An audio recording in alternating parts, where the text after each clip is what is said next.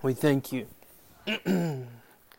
God, that you are the one that calms the storms. You are the one that speaks to the wind and the rain. You are the one that stirs deep in our souls. So, Lord, I, I pray that you would do that, God. That you would stir deep in our hearts this morning to refresh us, to stir deep in our hearts. Um, as we raise our hallelujah to you, Lord, as we as we sing, Lord, in the midst of whatever storms everybody's dealing with, the different things going on, Lord. We raise our hallelujah to you. We say, Hail, King Jesus, you are the Lord. All praise and glory and honor to you, King Jesus. And so, Lord, refresh us in these moments. Speak to us now in Jesus' name. Amen. Well, cool. Well, hey, um, if you're reading through the, the Bible, we're in uh, Mark and end of Numbers, beginning of Mark. So if you have your Bibles, you can turn to Mark chapter um, 5. This is uh, one of those passages, well, it's in multiple accounts of the New Testament. So Matthew, Mark, Luke, John, um, they all tell from different perspectives, and this is one of those that's in multiple accounts. But um, this season in Jesus' ministry seems like one of those, I, I literally call it the gauntlet. Like Jesus is going through the gauntlet. You read it and it's like, and then he, and then he, and then he. Like it was, it's like he's not sleeping. He's constantly turning, and there's a huge, massive crowd that needs to be fed. And he's constantly turning, and then there's this uh, demon possessed person in front of him, right? And he's teaching, and then the disciples are saying something crazy, all these crazy things. But watch this. In Mark chapter 5, just before that, this is the literal 72 hours before what we're about to read.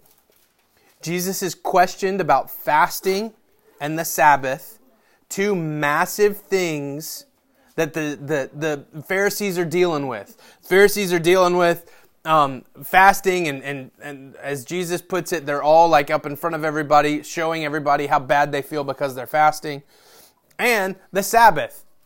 they would literally write citations if you were doing something they thought was inappropriate on the Sabbath, right? For some of us, if we worship too much, they would write a citation. you get you you'd get a ticket, right? Worse than speeding, right?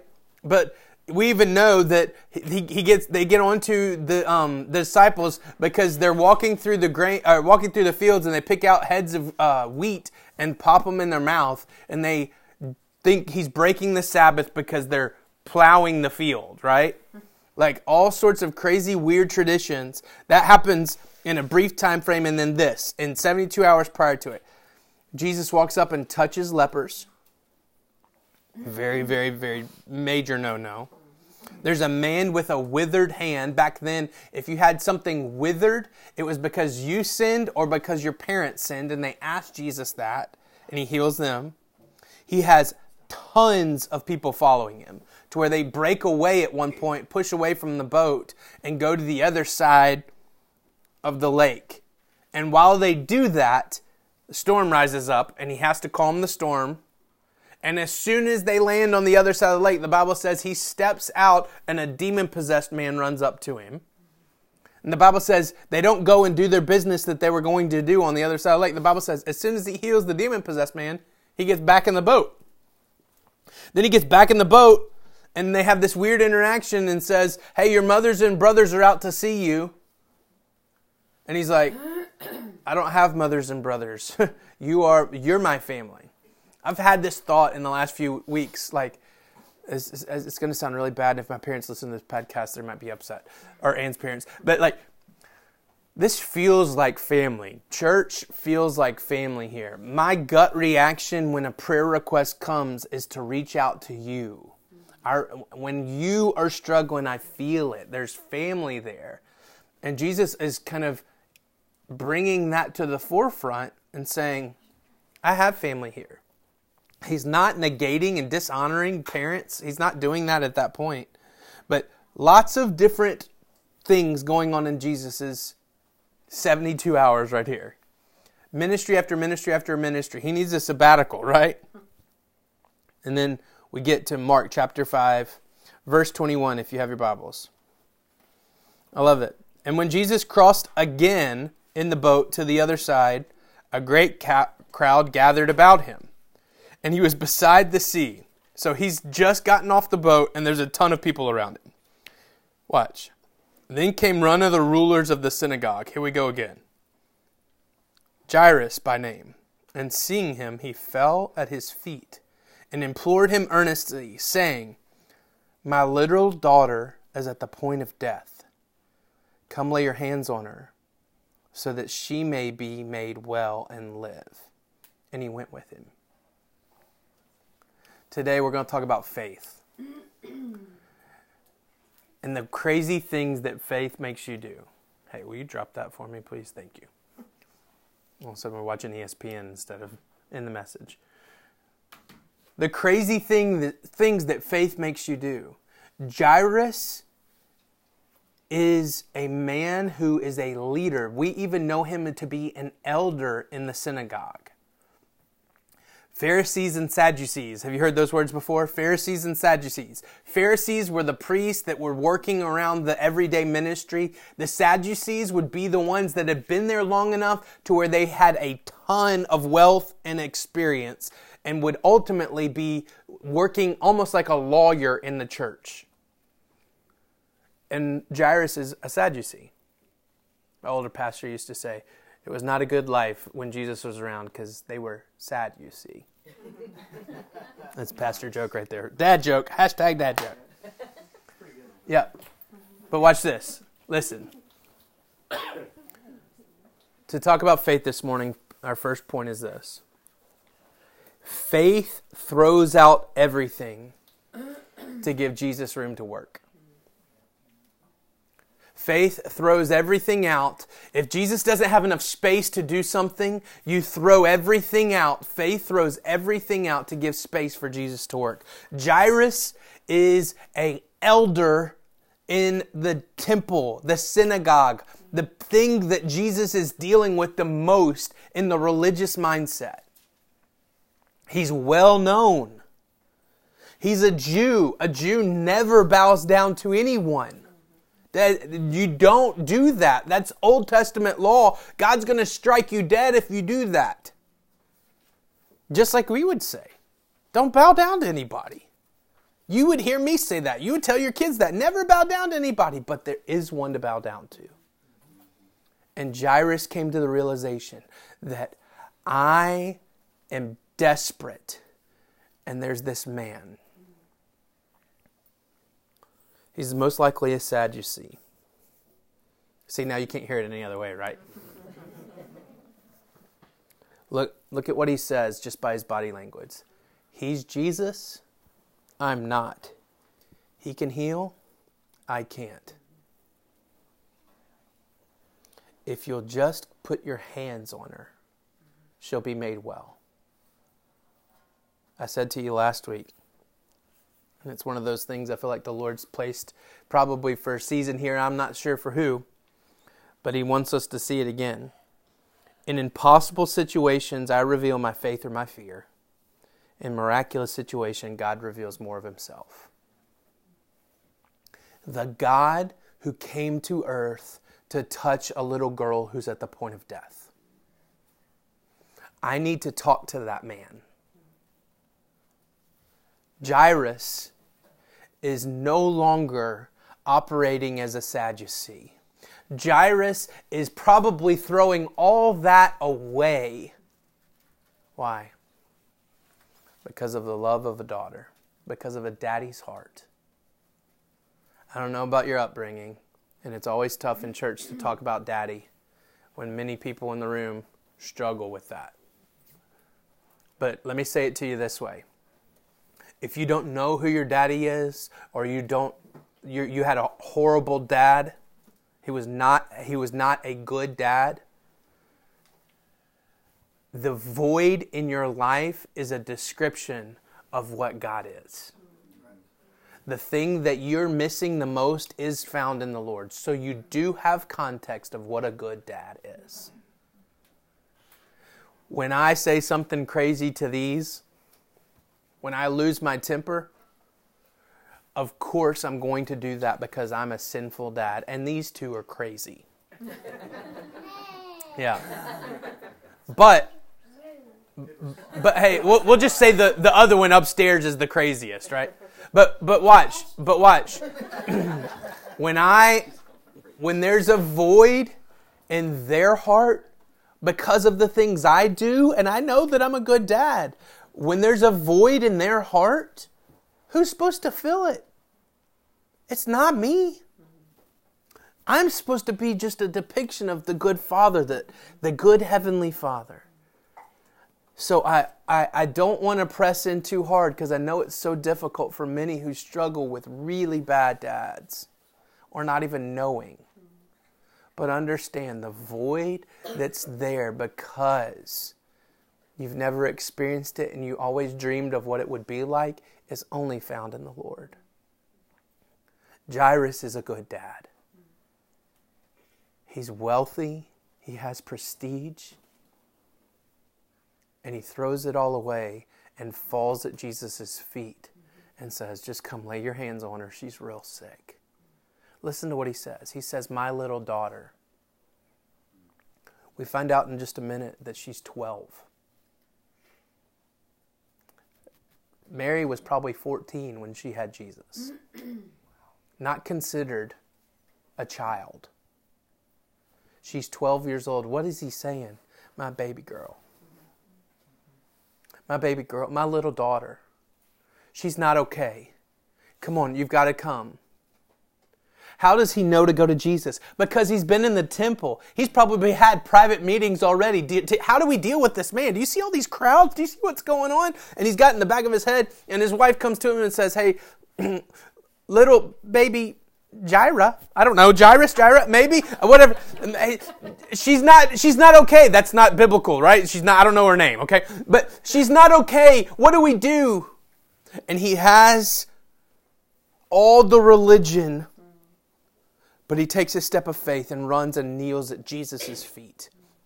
And he says, Come, you got to get here. An endearing father throws away everything just like we would have for daddy's little girl to be made well at the cusp of life. She's dealing with death and not in her rightful position. She's at the age of 12.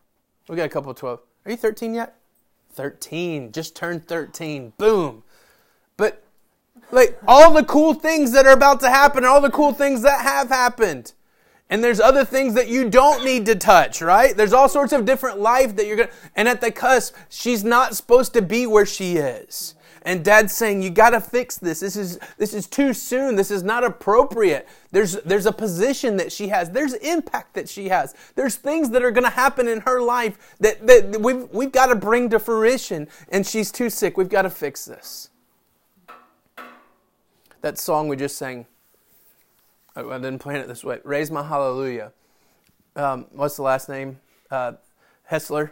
Mm-hmm, uh, David and David, Jonathan and Melissa Hess, J- Jonathan David and Melissa Hessler wrote this song. They're part of Bethel Music, and the CEO of all Bethel Music, who does produces all these crazy songs and all these things, all this all this stuff happens, and he look, he has a little boy who's three years old. The day before Christmas last year, like goes septic, and they don't know what's wrong has infection, it gets into his brain. There's two or three times where they rush every, like, the family stays with him. But his name was Jackson. I mean, I remember praying for him last year, watching on Instagram, it went viral. And uh, Jonathan David tells the story of one night his dad sends a text message out to everybody on staff and says, We don't think Jackson's going to make it through the night. You've got to do something. And Jonathan David says he wakes up in the middle of the, in the middle of the night, reads the text message, and goes, He's going to die. And he said he looked faithlessness in the face and said, I'm going to raise my hallelujah. That's where he wrote that song. When we get in desperate situations, we have nothing but faith. Listen to me why, in places of prominence, should we not have faith as well? Jairus is in both. There's a crowd around Jesus, and Jairus gets his attention and says, Come with me. And so they leave. And I don't know how quickly they're walking. Jesus probably, we don't know this, but there probably wasn't urgency in Jesus because he knew what was going to take place. And I kind of feel like Jairus is pulling on Jesus. Hey, we got to hurry. Come on. Hey, like this is down 911, right? Like, let's go. Turn the sirens on. Everybody move to the right. Let Jesus get by, right? And that's not what happens. Verse 25. Mark chapter 5, verse 25. Well, I, I, let me back up in verse 24. And he went with him. Watch this. A great crowd followed him and thronged about him. Thronged about him. The, the New Living says this almost crushed him. Okay, very close to uh, Justin Bieber style riot, right? Justin Bieber's walking through the crowd and everybody's up against him. You know, like, oh, we just if we could just touch him and we kill Justin Bieber because we trampled him, right? Who's this Justice Beaver? Sorry, that's an office quote. Um, yeah, yeah, he's a crime fighting beaver. Um, so hey, I'm sorry, random. Listen to me. yeah, so but Justin, this this like mania around Jesus. A mania. Literally, the crowds are pushing up against him. Verse 25. And there was a woman who had a discharge of blood for 12 years. Y'all, I don't know. I've researched this. I can't figure it out. 12 year olds dying, and this woman's had blood for 12 years. I don't know what the connection is. It's just weird to me. It feels like the Lord's trying to tell us something there, but I don't know. I didn't discover it. The Holy Spirit didn't reveal it. and who had, su- who had suffered much under many physicians. She'd been to all the physicians and had spent all she had. She'd spent all her money trying to get it fixed and was no better, but rather grew worse. And when she had heard reports of Jesus, she came up behind him in the crowd and touched his garment. For she said, If I touch even his garments, I will be made well. And immediately the flow of blood dried up, and she felt her body she felt in her body that she was healed of her disease. And when Jesus, perceiving in himself the power had gone out of him, immediately turned to the crowd and said, Who touched my garments? Think about it. The disciples are scratching their head, going, What do you mean? Look. And his disciple said to him, You see, the crowd is pressing on you, and you say, Who touched me? And he looked around to see what it, who had done it. But the woman, knowing what had happened to her, came in fear and trembling and fell down before him and told him the whole truth. And he said to her, Daughter, your faith has made you well. Go in peace and be healed of your disease. Point two. Not only in point one does faith throw out everything to give Jesus room, faith fights through everything to give Jesus room to work. Not only do we throw everything out, but we fight through everything.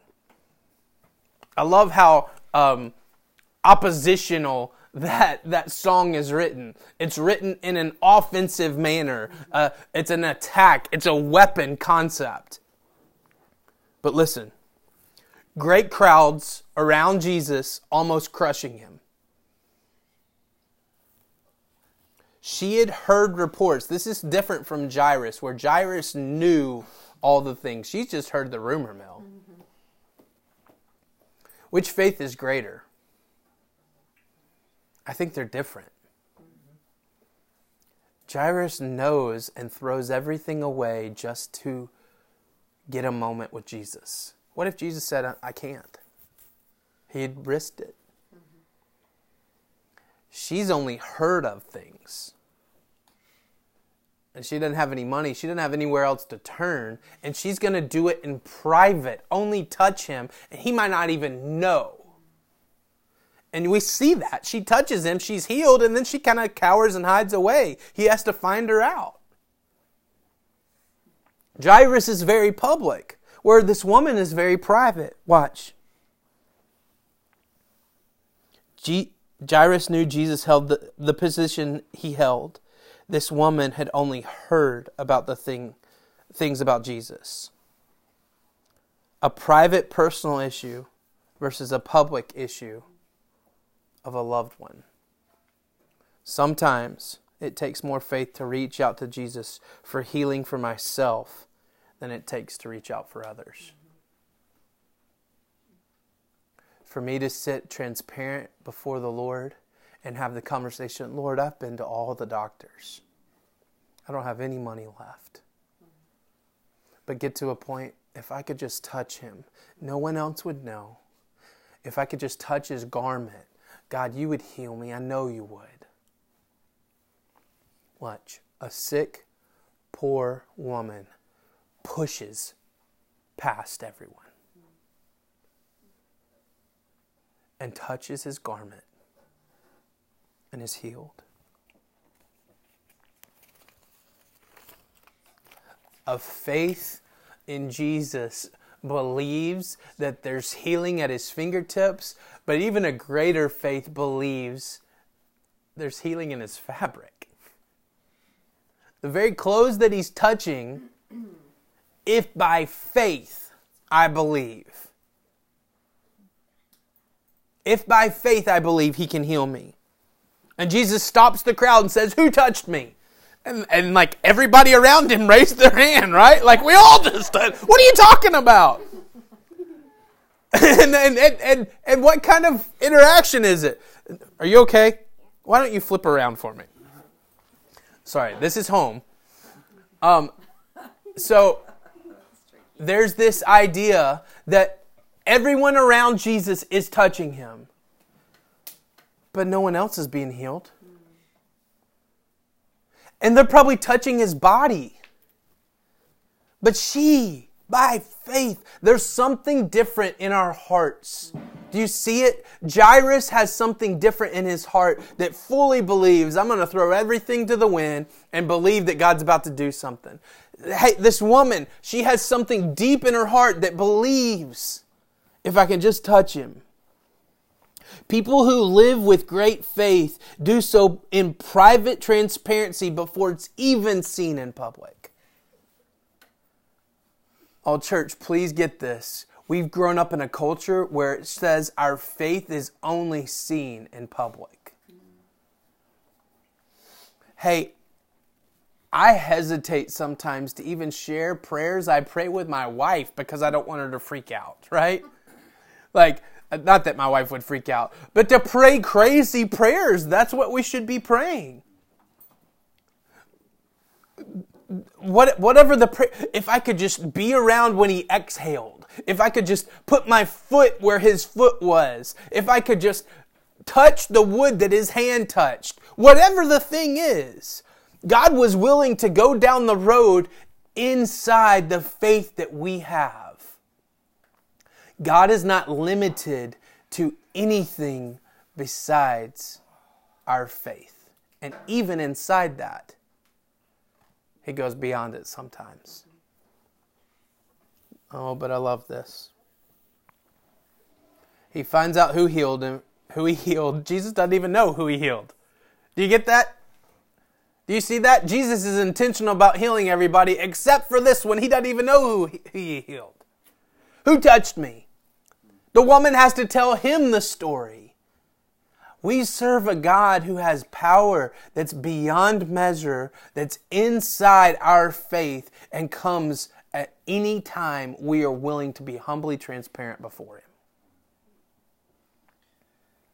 To sit before the Lord and tell the story. She said, she, You just did this to me. You just healed me. I couldn't get out of this. I've been dealing with this. I paid all my money. I I'm poor because uh, I've given all my money to doctors and they couldn't heal me. And, and I just touched your, your garment. I just thought if I could touch your, your garment, then, then I'd be healed. You know, the first word that comes out of Jesus' mouth. Remember, he's in the midst of trying to get to Jairus' daughter. Hey, Jesus, my little girl. What's Jairus feeling this moment? hey, this is great and everything, but come on, right? Jesus, my little girl. And he says, daughter. He calls her daughter. Out of the whole crowd, Jesus doesn't have this is the first time we see sons and daughters in that concept. What this is this is mind-blowing to us. Our relationship is built in faith. Jairus' daughter is built by his blood. But our relationship is built in faith. So, because of that faith, we can be called sons and daughters. Oh, family, please listen to this. This is different how Jairus connects with his daughter, but the connection can be just as deep. It's not the same words. They're root words, but it's not the same words. But my, hey, Jesus, my little girl, my little daughter, she's, she's at home, she's about to die. And Jesus has the same perspective of this woman. Hey, little girl. Family, when, when you're, you're, you spend all your money, you've been to everybody, not just with the sickness, but with everything else going on. What does our Father do? Son, daughter. In the same desperation that Jairus says on behalf of his daughter, our Heavenly Father speaks with the same desperation. Ryan, don't do that. Come here. Son, son, I got you. Don't worry about this. But then watch how it happens immediately after this. It's almost like an ADD moment. There's this beautiful moment. Daughter, your sins are forgiven because of your great faith, and you're healed, never to deal with this disease again. And the whole crowd's going, What? And Jairus is going, Hey, come on. And in the middle of that, watch what happens. From great victory to while he was still speaking, Jesus still speaking to this woman, there came a ruler of the house who said, Your daughter is dead. Why trouble the teacher any further? But overhearing what they said, Jesus said to the ruler in the synagogue, Don't fear, only believe. And he allowed no one except Peter, James, and John, the brother of James. And they came to the house of the ruler of the synagogue, and Jesus saw the commotion, the people weeping and wailing loudly. This little girl had just died. And when he had entered, he said to them, You're making all this commotion and weeping. The child is not dead, but sleeping. Other translations say, He knew what he was saying in that moment, even though she was dead. What, what Jesus is trying to speak to is this isn't that big of a deal when I'm here. I understand the weeping and wailing, but stop the weeping and wailing for a moment. She's just asleep when I'm around. Death does not exist when I'm around, it's only sleep. And Jesus entered, and wait, no, verse uh, 40, and they laughed at him. And he put them all outside and took the child's father and mother and those who were with him, and they went where the child was. Taking her by the hand, oh, I can't even get through it, sorry. Taking her by the hand, he said to her, Talitha Kumi, which means little girl, I say to you, arise. And immediately the girl got up and began walking, for she was 12 years old. And they immediately and they were immediately overcame with amazement. And he strictly charged no one should know this, and they told and told them to give her something to eat. Point three. Faith brings me into my identity, which establishes my trajectory. Jairus' identity of protective dad is put on the shelf. Jairus is coming to Jesus saying, Hey, hey, come on. She's about to die. She's about to die. Come here, come here, come here. And then don't bother him. She's already dead. And they start the mourning process. And Jesus says, I'm going to step in the father role for a moment. Stop this commotion. She's only sleeping. Jairus, you don't have to be dad right now. What does he say to him? Don't fear, only believe. So, Jairus, stop thinking about your daughter for a moment and process your own faith. Mm-hmm. Jesus, that's crazy and sensitive, but watch. Jesus is speaking to him. You've done well to this point. You've gotten my attention, and we're going to go do this. But he's speaking to Jairus, saying, Your role in being a good father is this don't fear, only believe. Oh, Selah family, catch that. Your role in parenting your kids is this don't fear, only believe.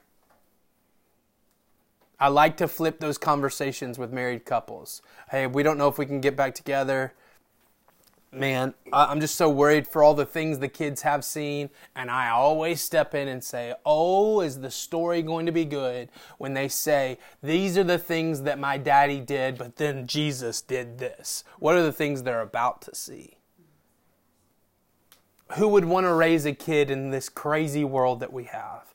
I would, because these kids are going to flip the world upside down. That's don't fear, only believe. Do you see it?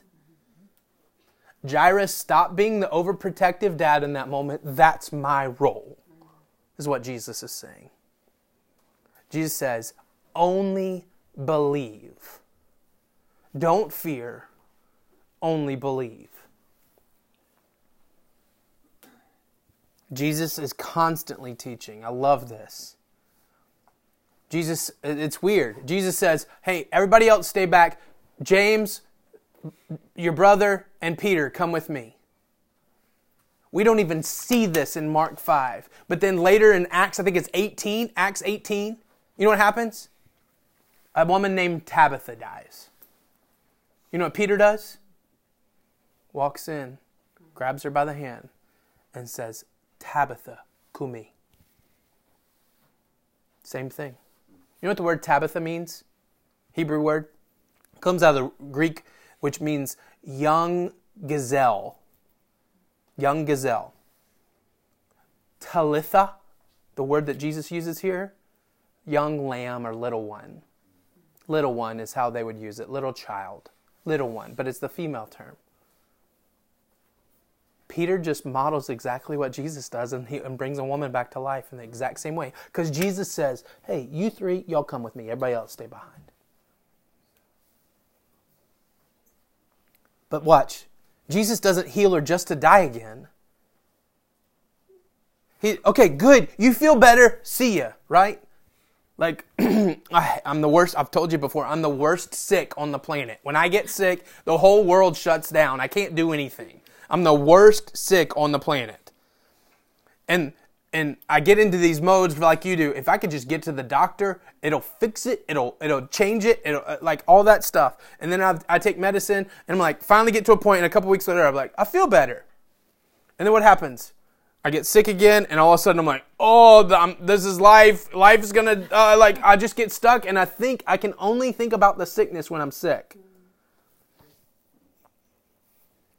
Jesus doesn't just heal us to get sick again.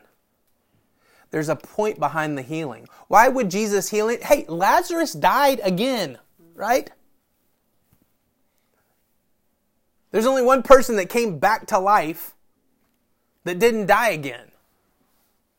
That's Jesus. This little girl, at some point in time later in life, she died. That's what happens to every human being. But what was Jesus doing in that moment? It breaks down in those words. In those words, Talitha Kumi. Little one, arise into your position. That's the word. Arise into your authority, arise into your position.